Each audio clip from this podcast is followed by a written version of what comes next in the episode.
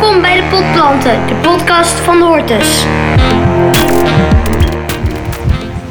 Welkom bij een nieuwe aflevering van Potplanten in de Hortus Amsterdam. Mijn naam is Janja Pubeek en ik sta met Arend Wakker, bioloog en rondleider bij de Hortus. Arend, we staan bij de Grote Eik, bij de ingang van één van de oudste botanische tuinen van Nederland. Vertel, waar neem jij me mee en de luisteraar in deze podcast? Nou, ik wilde deze keer beginnen eh, bij iets waarbij heel veel uh, hortusbezoeken eindigen. Oh. En dat zien we hiernaast namelijk ook bij een kopje koffie. Dan gaan we natuurlijk niet een kopje koffie bekijken, maar die koffie die wordt gemaakt van de vruchten en de zaden van de koffieplant. En daar heeft onze hortus een hele speciale band mee. En we hebben ook verschillende plekken waar we de koffieplant zelf kunnen zien. Oké, Dus ik zou zeggen, we wandelen nu naar de koffieplant eh, in de tropische kas. dat is de drie klimaatenkast die naast het terras staat. Ja, En welke bijzondere band heeft de Hortus Amsterdam met, met de koffieplant? Nou, eh, ik zal iets vooruitgrijpen op de geschiedenis die ik zo ga vertellen. Eh, alle koffie in Zuid-Amerika, en de meeste koffie die wordt op dit moment in Zuid-Amerika geteeld, die is begonnen uit een plantje wat hier in de hortus gestaan heeft. We lopen nu de, het tropische gedeelte Ja. van de kas binnen. De schuifdeur is weer dicht, de warmte valt ons om de schouders. We lopen hier linksaf over het vochtige paadje en meteen de eerste plant met de donkergroene geribbelde bladeren, dat is de koffieplant. Je ziet, hij staat hier een beetje bedekt onder die rotanpalm. Oeps, dat is echt een rotanpalm. Moet je eens voelen wat die, die stekels eraan zitten. Oh Ik probeer die bladeren even opzij te bewegen, maar Hij moet zorgen dat vast ik me er niet aan, eh, blijf, eh, aan blijf haken. Nou Maar natuurlijk... hieronder staat dus de koffieplant. Een eh, struik hier. Meestal wordt die ook een struik genoemd. In de natuur is het eigenlijk een soort struikboom. Met grote donkergroene geribbelde bladeren. En die geribbelde bladeren dat is vrij karakteristiek. Want de meeste bladeren die zijn een beetje glad. Waar komt die oorspronkelijk vandaan? Of zijn zijn er verschillende koffieplanten die uit verschillende delen van Nou, de er wereld zijn komen? heel veel soorten wilde koffie. Maar al die soorten wilde koffie die groeien op één continent. En dat is Afrika. Dus koffie komt oorspronkelijk uit Afrika. En daar is hij vroeger ook al, met name in Noord-Afrika, is ontdekt dat als je daar de zaden van die vruchten gaat roosteren, dat je daar een opwekkend drankje van krijgt. En dat hebben ze in Noord-Afrika ontdekt. Jemen bijvoorbeeld, dat land waar nou vooral veel eh, verschrikkelijke dingen gebeuren. Ehm, toch zijn de mensen uit Jemen, dat waren niet de handelaars erin. De handelaars vroeger, en dan heb ik het over de 14e, 15e eeuw, dat waren de Arabieren. Die daar, heel Noord-Afrika was toen eigenlijk ook een beetje in Arabische hand. En alle handelaren, alle handel die verliep via, de, via Arabische mensen. En de Arabieren, die hadden toen gezien dat je daar dus een lekkere opwekkende drank van kunt maken. Wat ze eerst zelf eh, waar ze zelf verzot op raakten. En al heel snel hebben ze de handel uitgebreid tot het hele Middellandse zeegebied. Waarbij toen eh, in alle landen rond de Middellandse Zee kwamen koffietentjes op. Waar de koffie gebrand en geroosterd werd, vermalen werd en daar werd koffie van gezet. En al die koffie die werd aangevoerd door de Arabieren vanuit Noord-Afrika. Maar nou ben ik regelmatig zelf in Noord-Afrika geweest. Maar er is veel zand. Ja, er is heel veel zand. Hoe, Maar- Ik zie deze plant nou niet zomaar tussen de, de, de, de zandplek staan. Nee, het gaat natuurlijk om het, eh, het bergland. eh, niet in de Sahara uiteraard. En ook niet helemaal in de warmste delen van de tropen. Maar meer de iets koelere delen ten zuiden van de Sahara. Zeg maar de, rechts onder de Sahara.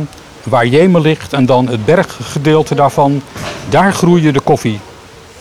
Ehm, nou, die Arabieren die verdienen daar dus heel veel geld mee. En ja, rond de Middellandse Zee zagen alle andere koloniale rijken toen in opkomst. Die zagen die geldverdienerij van de Arabieren. En die wilden dat zelf eigenlijk ook wel. Met name de Nederlanders, maar natuurlijk ook de Portugezen, de Engelsen, de Fransen, de Italianen. Allemaal wilden ze eigenlijk geld verdienen met de koffie.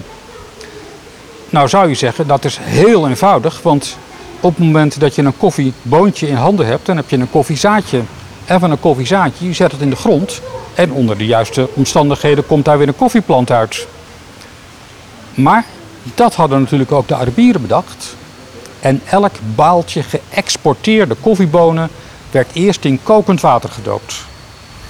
Zodat de Slim. zaden biologisch dood waren en de klanten daar niet een handeltje voor zichzelf uit konden beginnen. Monopolie maken. Ja, dus ze hadden het handelsmonopolie en dat hadden ze heel stevig in handen. De, de, de havens die werden ook streng gecontroleerd. Alles wat uitgevoerd werd en alle mensen die daar rondliepen. En eigenlijk al die koloniale rijken en de maatschappijen daarvan, die probeerden eigenlijk door dat, door dat monopolie heen te breken. Die stuurden daar eh, al- als industriële spionage stuurden ze daar mensen naartoe.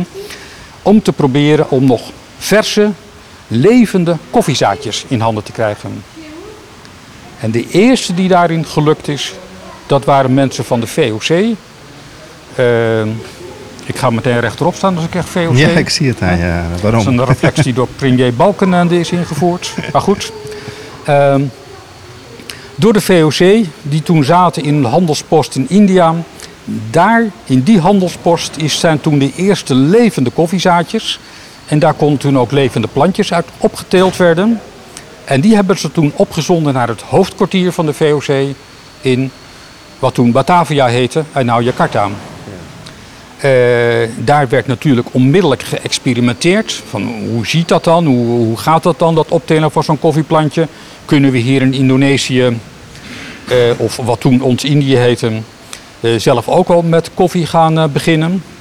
En natuurlijk werd al heel snel ook een paar koffieplantjes opgestuurd naar het eigenlijke financiële hoofdkwartier van de VOC. En dat was Amsterdam. En die koffieplantjes bleven natuurlijk niet in de burelen van de VOC hangen, maar die kwamen hier in de hortus terecht. Ah, op die manier. En hier in onze Amsterdamse hortus hebben de eerste koffieplantjes van Europa gegroeid. Geworteld. Geworteld, geworteld, gegroeid, grootgebracht. Gekeken hoe, je daar, eh, eh, hoe die vruchtjes eruit zien en wat daar dan in zit. En dat je daar uiteindelijk eh, de, de, de, de zaadjes uit kunt peuteren. En dat je die kunt roosteren en dan kunt vermalen. En dat je daar koffie van kunt zetten. Eh, nou, dat was natuurlijk voor ons heel leuk. Alleen ja, die koffie kunnen we niet in Nederland telen. Dus we zonden het natuurlijk wel naar onze andere, toen Zuid-Amerikaanse kolonie eh, Suriname. En daar zijn we toen ook begonnen met de koffieteelt in Suriname. Want de omstandigheden zijn er vergelijkbaar eh, De overstanden waren daar voor een deel vergelijkbaar. Eh, aanvankelijk leek dat productief en ook eh, economisch eh, aantrekkelijk. Maar na verloop van tijd, de hele situatie van die eerste koffieplant in Europa, dat speelde zich af rond 1700. En tussen 1700 en 1790 eh, had je dus in Suriname ook de opbloei van de koffiecultuur. En tegen 1790 toen verging dat eigenlijk weer, want het, het ging toch niet helemaal goed en best. Of het was niet de juiste kwaliteit koffie. In ieder geval, dat was niet het mekka waar we van gedroomd hadden. Maar we hadden hier de Amsterdamse Hortus dus als enige tuin eh, in Europa eh, de bezit, het bezit van het kostbare koffieplantje. Waar zoveel geld mee verdiend werd. En uit botanische interesse werd er al wel een zaadje opgezonden naar een eh, Franse professor, de Juchot in bedoel ik, in Parijs. Alleen ja, dat zaadje dat kwijnde weg en kwam niet op. Dus wij bleven nog de enige in Europa met koffieplantjes. Toen tijdens een handelsmissie, of eigenlijk een eh, diplomatieke missie naar eh, Lodewijk XIV, waar we natuurlijk wel vrienden mee wilden blijven. hè, Machtige vorst, de machtigste vorst van Europa op dat moment. En in oorlog met bijna alle landen van Europa. Eh, wij wilden hem te vriend houden en wij gaven hem twee koffieplantjes. Of dat nou slim was, daar kun je achteraf over aarzelen.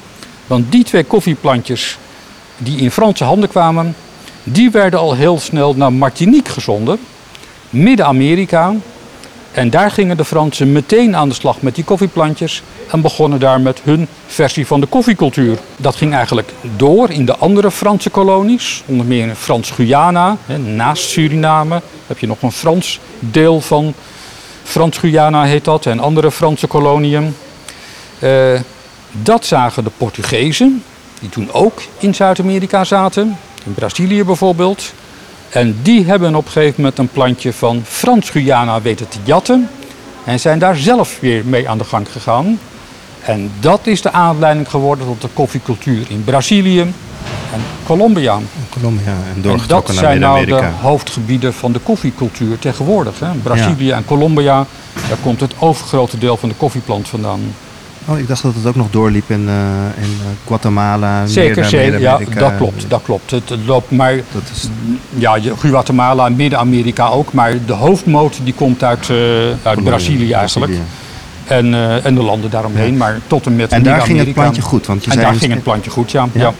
En kan je, is dat omdat het meer bergrijk is en, en andere mineralen in de grond zitten? Of het klimaat? Of is dat aanwijsbaar? Of is dat gewoon door? Het, het, het, moet natuurlijk, het, de plantjes waarmee je begint zijn natuurlijk uitermate belangrijk. Want niet alle koffieplantjes die je uit, uiteindelijk uit Afrika weghaalt, die zijn gelijk. Sommige hebben iets meer droogtebestendigheid dan iets andere. Dus het is heel erg afhankelijk van de plantjes die uiteindelijk dan via uh, Batavia en uh, Amsterdam in Zuid-Amerika terecht zijn gekomen. En daarnaast heb je natuurlijk nog de kans dat die plantjes zelf weer een klein beetje gaan aanpassen aan de klimaten. Plus dat de bewoners en de telers natuurlijk gaan leren hoe je dat precies moet doen. Bijvoorbeeld, het is eigenlijk het is wel een schaduwplant. Uh, hij staat hier ook onder de schaduw van die roodhandpalm. In de natuur staat hij ook in de schaduw van bomen. Uh, en zo wordt het eigenlijk ook op koffieplantages gedaan. Daar worden de grote bomen ingezet. En die bomen die heten dan de moederbomen van de koffie. Een tijdje geleden had ik een uh, Surinaamse mevrouw hier en die vertelde dat ze daar de moeder van de koffie, dat waren de grote bomen in de koffieplantages, waaronder de eigenlijke koffiestruik stond. Dus op die manier probeer je het natuurlijke klimaat en de natuurlijke omstandigheden een beetje na te bootsen. Om uiteindelijk met als doel zoveel mogelijk boontjes te oogsten van de koffie natuurlijk. Ja, zo staat hij ook hier in, in de Hortus meteen in deze hoek. Ja, Alhoewel je nou hier helemaal niet ziet hoe je hier nou koffie van zou kunnen maken. Nee, want kan je dat misschien nou een nog donker. Uh, ja. voor de luisteraar Op een gegeven moment komen er, als het goed is, eh, komen er knopjes aan. Uh, regelmatig zien we in de... Er staat nog een koffieplant, die staat in de vlinderkas. En die geeft meer bloemen en vruchten. Daar komen op een gegeven moment witte bloemetjes aan. En aan die witte bloemetjes, als ze uitgebloeid zijn, dan komen daar rode vruchtjes.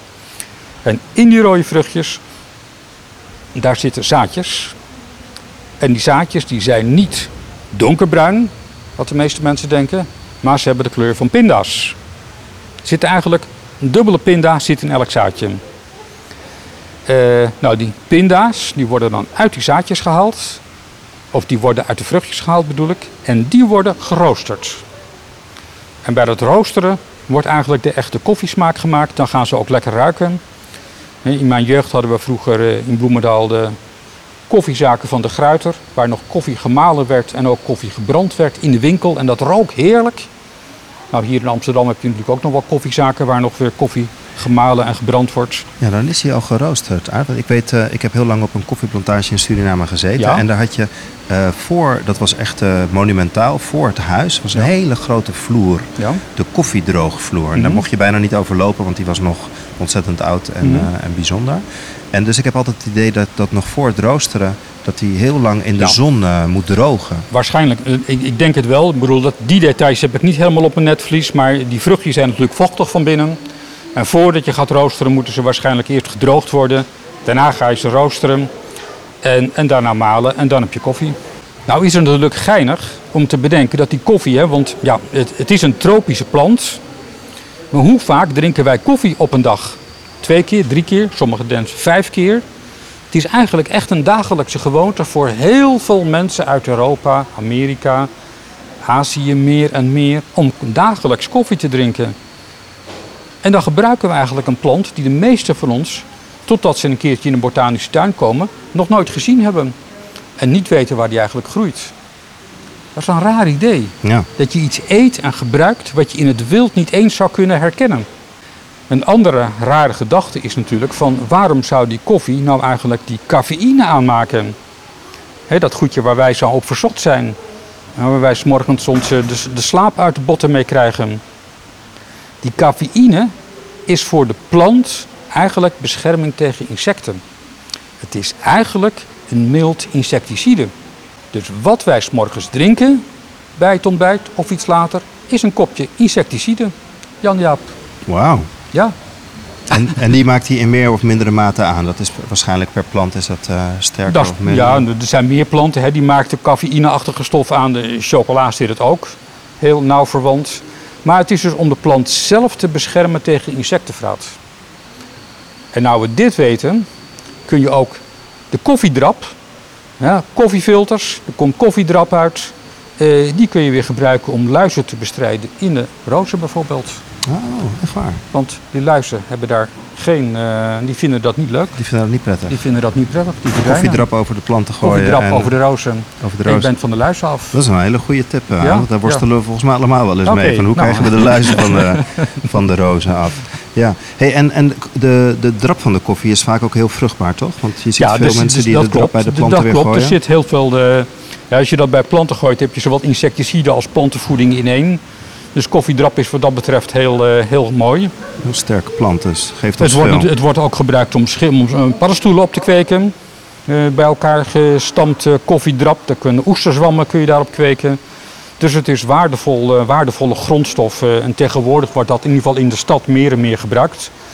Om te zorgen dat een afvalstroom van ons dagelijks leven weer een invoerstroom is voor iets anders wat we Ja. kunnen gebruiken. En Arend, we kijken hier naar een exemplaar wat ongeveer zo groot is als wij. Ja. Ehm, is dat in de natuur ook? Of wordt die groter? Of wordt die bewust klein gehouden? Is het representatief voor hoe de koffieplant uit zichzelf is? Nou, dit is wel representatief voor een plantage koffiestrak. Want eh, die besjes moeten op een gegeven moment geplukt worden. Daar moet je bij dus kunnen. daar moet je bij kunnen. In de natuur groeien ze natuurlijk een klein beetje hoger. En dan groeien ze net zo lang tot, eh, ja, tot ze bijvoorbeeld dan pal in de zon komen. Hè, want ze hebben een voorkeur voor schaduw, heb ik al gezegd. Dus kunnen, dus ze kunnen twee, drie keer zo hoog worden.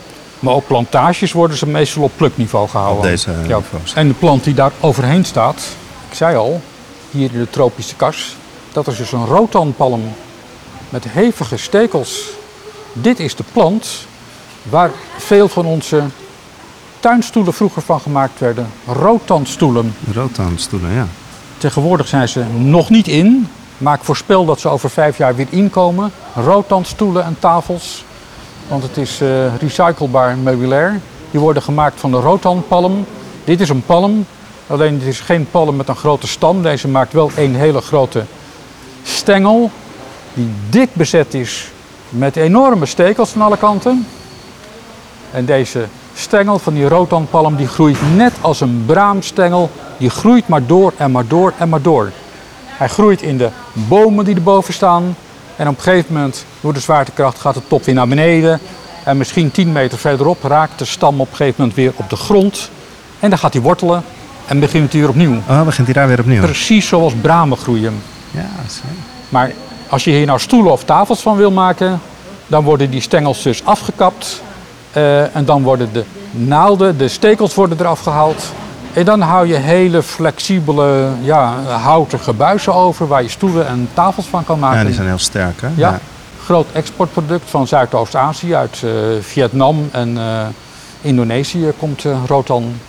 En jij voorspelt over een paar jaar is het weer volop in de mode. Ja, dat eh, hoop ik. Alle meubelwinkels weer te Ja. vinden. de rotan. Ja. Hey Arend, dankjewel voor het verhaal van, eh, van de koffieplant. Dit gesprek met eh Arend Wakker in de Hortus Amsterdam. Deze podcast is een van de serie te beluisteren via iTunes of Spotify.